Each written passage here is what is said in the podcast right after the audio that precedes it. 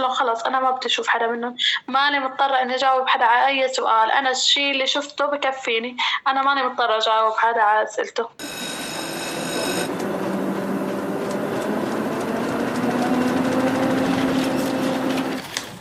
عنب بلدي بودكاست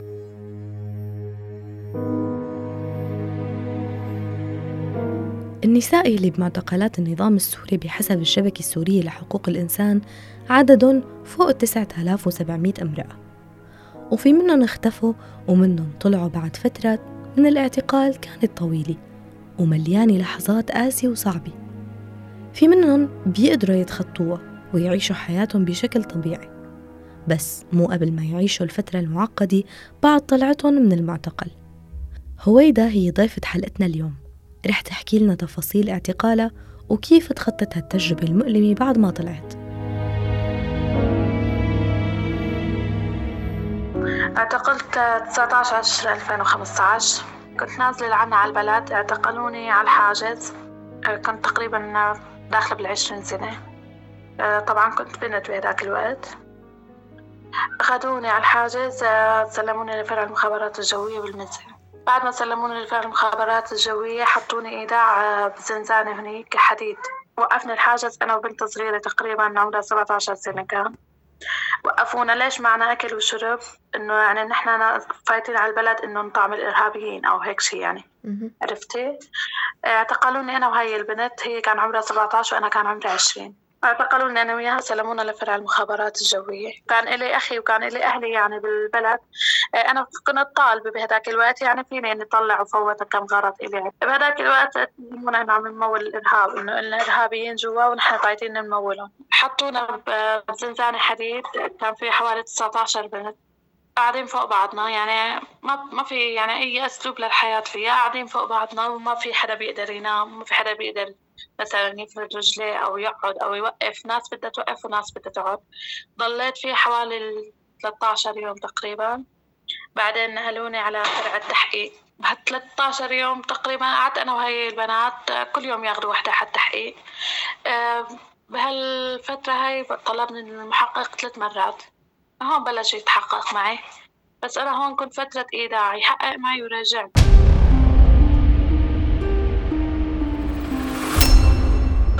فوتوني على غرفة. تبع المحقق طبعا أنا هون مطمش عيوني وغطاي وماني عم شوف شيء أبدا. بس إني عم بسمع أصواتهم. هو هون خلاني أرفع عيوني أنا وفايتة على الغرفة. قال لي قال لي بس شوفي طريقك. أنا وفايتة على غرفة التحقيق بالكريدور. بشوف زلمة معلق على معلق على شباك مرفوع على الأرض وعاري الملابس كمان. وعم يشبحوا. هون أنا أسمع صوت صريخه وماشي وخايفة يعني. فجأة بلاقي البنت اللي كانت معي كمان حاطينها على دولاب ومربطينها. كمان كانت عم تقول مشان الله أعطوني مي مشان الله أعطوني مي فوتوني أنا على الغرفة بس أنا سمعانتهم يعني وشايفة بالأرض يعني ماني ماشية قدامي شايفة شو عم يصير فوتني على غرفة التحقيق وبلش يسألني. طبعا كان أسلوبه بالتهديد يعني أكثر شيء كان أسلوبه تهديد إنه مثلا إذا ما حتحكي شو صار معك أو شو عاملة أو شو مساوية رح يصير فيك مثل ما عم يصير بهذا الزلمة رح يصير فيك مثل ما عم يصير برفيقتك اللي أخذناك أنت وياها. إيه هيك صار يهددني يعني كان أسلوبه تهديد مو أكثر يعني. إيه هون أنا يعني كان عندي شوية جرأة بهذا الموضوع يعني. قلت له قلت له ليش هون مو ممنوع مثلا ضرب النسوان؟ قام قال لي بلا. أنا حس بالغرفة يعني في أكثر من شخص وفي حدا عم يقرب مني يعني إنه حس تقريبا علي يعني مو طبيعية. هون خفت كثير عم صرت أنا مثل اللي صابني جرأة يعني. بدي دافع عن حالي بدي أحكي أي شيء يعني. إنه بس على الأقل يبعدوا عني يعني ما يقربوا علي. هون قلت له قلت له هون مو مضروب مو ممنوع ضرب النسوان قام قال لي بلا. قال لي ليش مين ضربك؟ حدا تعرض لك هون؟ قلت له بس أول ما إجيت. عم قال لي هون ممنوع ضرب النسوان اللي ما اللي ما بتعذبنا أو إنه مثلا تعترف فورا بالشيء اللي عاملته. قلت له أنا ماني عاملة شيء. أنا وقت اللي أخذوني ما معي غير أكل وشرب. وحتى مصاري ما معي لحتى تتهموني إنه يعني أنا عاملة تمويل إرهاب أو شيء. هون بحس إنه في حدا عم يقرب علي. كمان رجعت هيك تجرأت شوي وسألته قلت له في كاميرات بالمكتب محل ما لنا قاعدين عم قال لي ليش عم تسألي؟ قلت له هيك بدي أسأل يعني بس إني حابة أتأكد. عملية طبعا موجود يعني كاميرات. قلت له يعني شو ما بصير معي أنا بهذا المكتب؟ أنا يعني من شاف مو. قام قال لي إيه؟ هون والله العظيم أقسم بالله يا عنسي حس إنه حدا اللي كانوا واقفين بالغرفة صاروا يسكروا الباب ويطلعوا. خافوا إنه في كاميرات أو شيء إنه يعني أنا بقدر أحكي. يعني أنا عم بتجرأ وأسأل هاي الأسئلة معناها إني بقدر أحكي إذا حدا قرب علي عرفتي؟ إيه، هون بس شو صار؟ اسلوبه أسلوب تهديد. يعني صاروا يشبحوا هذا الشاب اللي موقفينه برا. ومعلقينه على الشباك وعم يشبحوه. هون صاروا يشبحوا ويعيط أكثر يعيط أكثر ويصرخ هذا كله الصيخ قدامي يعني تاركين الباب مفتوح وعم يحققوا معه قدامي. إيه وهون عم يحقق معي كمان قدامه. فشو كل شغلة يهددني إنه شو رأيك يصير فيكي هيك؟ وإذا ما حتحكي حيصير فيكي هيك وهذا ما حكى لهلأ هيك صار في. حتى وقت اللي رفيقتي تعيط مثلا تقول لهم شربوني مي مشان الله مدري من مدري من ايمتى يعني أنا إلي هون. بس شربوني مي ما بدي منكم شيء. عم تقول له الله يوفقك الله يوفقك شربها مي بنت صغيرة وكتير خايفة وما عرفانة شي بالسيرة يعني ما عرفانة شو عم يصير فيها. هون أنا وقت اللي كانوا عم يجيبونا على غرفة التحقيق شفتها إنه قاعدة على الدولاب حاطينها على الدولاب ومربطينها يعني. هون عمل حاله إنه رايح يشوفها شو بدها. راح لعندها بتصدقي شو عمل؟ راح لعندها قال لها بدك مي؟ قام قالت له إيه. قام وصل لعندها كب مي عليها ورجع. قال لها بدك مي لكم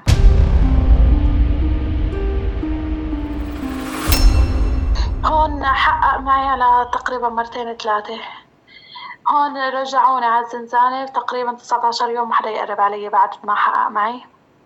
رجعوا نقلوني على فرع التحقيق. بنفس الفرع بنفس فرع المخابرات الجوية نقلوني على فرع تحقيق. هون رجع تحقق معي من أول وجديد. كمان طلعوني مطمشة يربطوا لي إيدي لورا يطلعوني مطمشة ما أشوف شيء قدامي أبدا أبدا. طلعت كمان تحقق معي هون تقريبا حوالي ثلاث ثلاث مرات فيني أقول لك بعد حوالي الشهر بهاي الغرفة اللي قعدوني فيها كمان فيها كان حوالي أربعين مرة. حتى كثرت الأمراض بهذا الوقت يعني.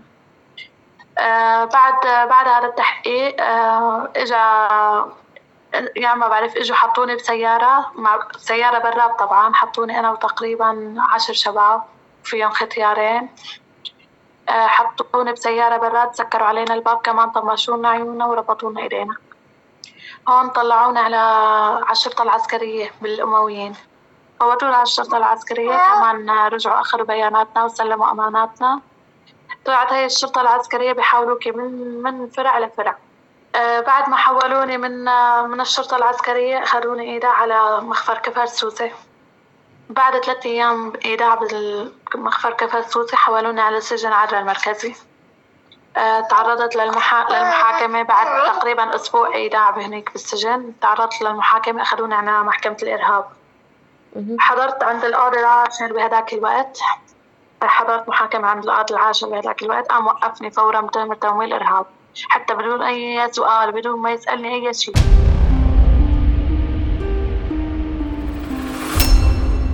توقفت آه، ضل التوقيف تقريبا حوالي سنة ونص ما طلبني أبدا أبدا أبدا القاضي نتعرض لتقارير أكثر شيء لأنه نحن إرهاب وكان في معنا مثلا جنايات تانية. نتعرض لل... للتقارير أكثر شيء. يعني كثير كثير بنات هناك يعني إرهاب يتعرضوا لتقارير ويرجعوا ياخذوهم على الأفرع الأمنية وهن موجودين بالسجن هذا بهذا الوقت آه، هون أهلي بلشوا يحب إيه، بلشوا يوكلوا لي محامي. يعني إنه شو سنة ونص ولهلأ القاضي موقفني ولحتى الآن ما طالبني ولا مرة ولهلأ يعني أنا على على وضعي وعلى حالي أبدا ما تغير شيء أبدا. هون وكلوا لي أهلي محامي. المحامي قدر يحولني جنايات. حولني جنايات آه، قام طلبني القاضي طلبني لجلسة. آه، رحت على هاي الجلسة. كمان القاضي يعني رجع رجع عطاني نفس التهمة بس إنه رجع أجلني. أجل الجلسة. وقت اللي أجل الجلسة عطاني يعني إنه مهلة يمكن شهر أو شهرين. وقت اللي صار لي سنتين بعدرة إجا إخلاء سبيلي تحت كفالة آه إجا إخلاء سبيلي فعلا. بس آه هون بيطلبني العقيد اللي كان مو يعني اللي كان مسؤول عنه بهنيك بفرع سجن عدرة بيطلبني العقيد لعنده بيقول لي أنت اجى اخلاق سبيلك مزبوط بس اقرأي هاي الورقة. قرأني ورقة اني أنا عندي استرجاع لفرع المخابرات الجوية بالمزة قلت هون لا حول ولا قوة يعني أنا خلص يعني قطعت الأمل إنه مستحيل إذا رجعت على الفرع عاد إني أطلع يعني. قال لي فيك تخبري أهلك إنه يجوا يشوفوك إنه استرجاعك حيكون يوم السبت كان بداية 2018 بال براس السنة يعني. هون خبر أهلي وخلاني إني أشوفهم آخر مرة.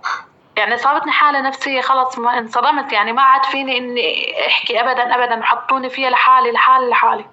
هون أنا قضيت الليل كله عم بصرخ وأبكي وعيط. كل الليل قضيته عم أصرخ وأبكي وعيط. هيك للصبح.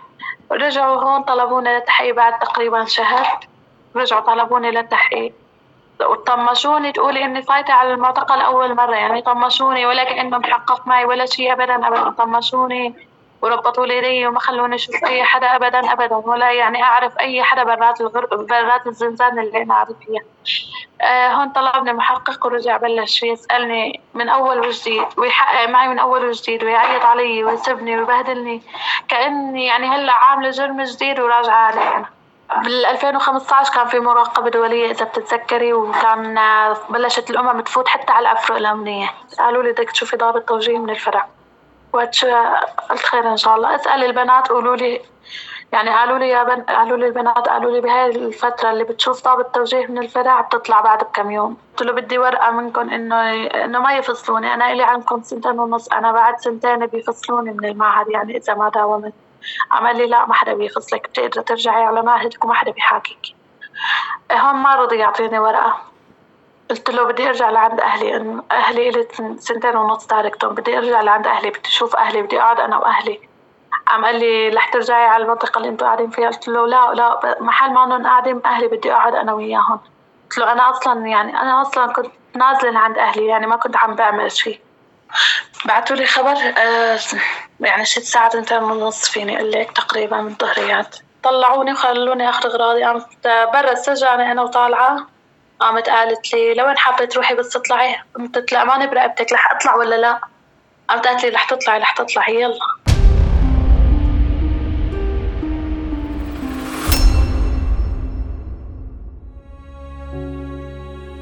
طلعت هويدا وبسرعة توجهت لعند أهلها وبعد الفرحة الكبيرة بلشت التفاصيل والأحداث يلي ما كانت تفكر فيها قبل ما تطلع لأنه كان كل تفكيرها كيف تتخلص من هالسجن اللي عايشته؟ وللحظة ما كانت مصدقة إنها خلص طلعت. بس هلأ صار في تحديات جديدة ولازم تتخطاها.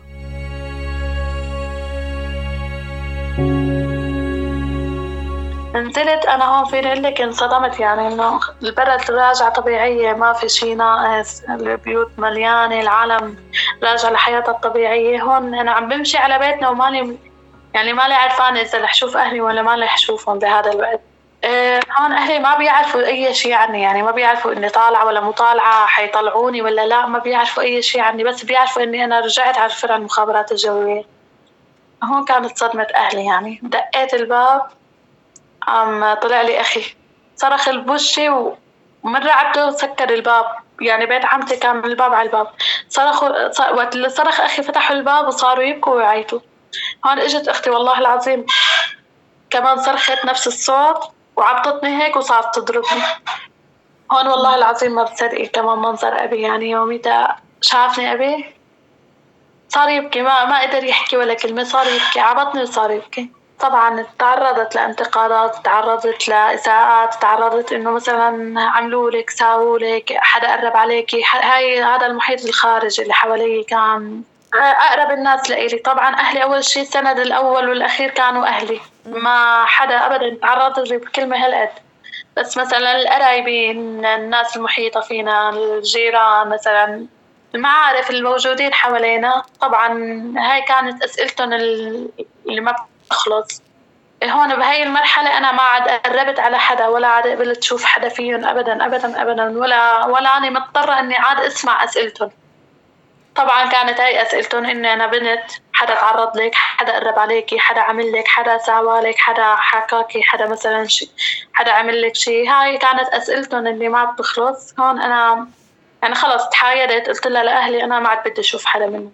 مثلا تعرضتي للاغتصاب أو تعرضتي إنه للتحرش أو للمضايقات هاي أكثر شيء كانت الأسئلة هاي اللي تزعجني أكثر شيء يعني لأنه أنا كان كنت بنت بهذيك الفترة. كثير كانوا يزعجوني بهي الأسئلة كثير خلص إنه بدهم يعرفوا تفاصيل عني شو صار معي مثلا. ماني مضطرة أنا أبرر لكم هذا الشيء حتى لو تعرضت له أنا تعرضت له مو أنتم اللي تعرضتوا له. له خلص أنا ما بدي أشوف حدا منهم. ماني مضطرة إني أجاوب حدا على أي سؤال. أنا الشيء اللي شفته بكفيني. أنا ماني مضطرة أجاوب حدا على أسئلته. هون بلشت حايد هاي العالم ما عاد قربت عليها. هون بدي أرجع لدراسي يعني بدي أرجع لطبيعتي. حاولت إني أرجع فورا لمعهدي رجعت لهونيك قام قالوا لي إنه تم الفصل يعني.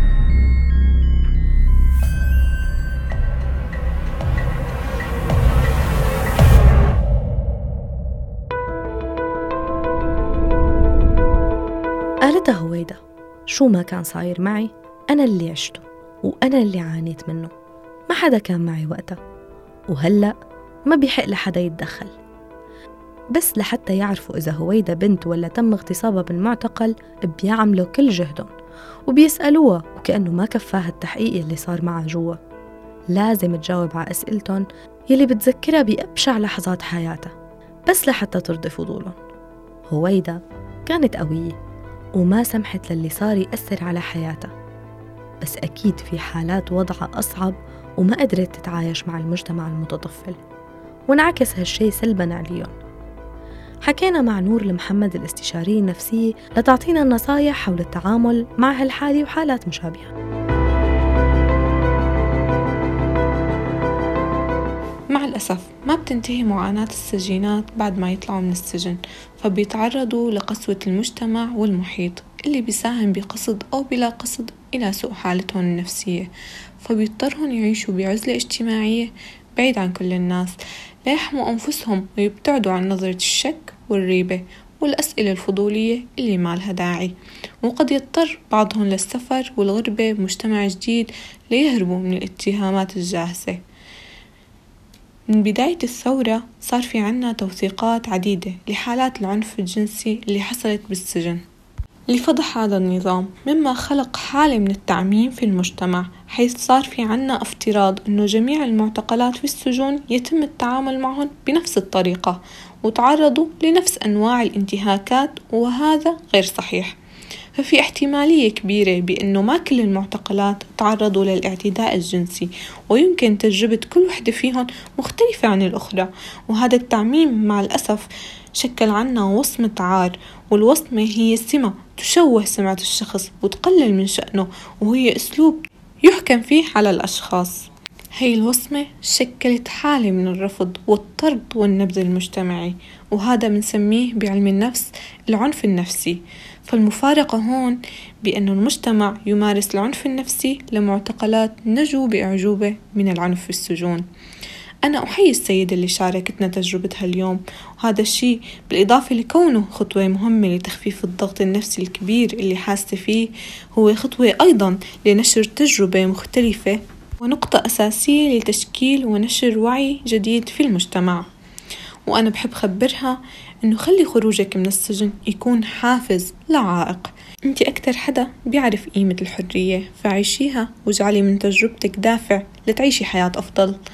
قولي لا وبقوة لا تتقبلي أو تتغاضي عن أي تلميحات أو تشكيكات. ضعي خطوط حمراء وحدود واضحة وصارمة للأشخاص الفضوليين واعرفي إنه هذا الموضوع خاص ما حدا إله الحق إنه يجبرك تحكي عنه. عززي ثقتك بنفسك من خلال تركيزك على نفسك. تطويرها وبناء علاقات اجتماعية إيجابية والاعتناء بصحتك الجسدية والنفسية وتعزيز مهاراتك ومواهبك. وأخيرا بحب أنوه أيضا على دورنا كمجتمع تجاه المعتقلات. وهو توفير مراكز الدعم النفسي والاجتماعي لهن وإتاحة فرص تأهيل وتعليم وعمل أيضا. تشكيل مجموعات دعم خاصة فيهن ليساندوا بعضهم البعض. والعمل أخيرا على إنشاء برامج تتكفل بدمج المعتقلات مع المجتمع.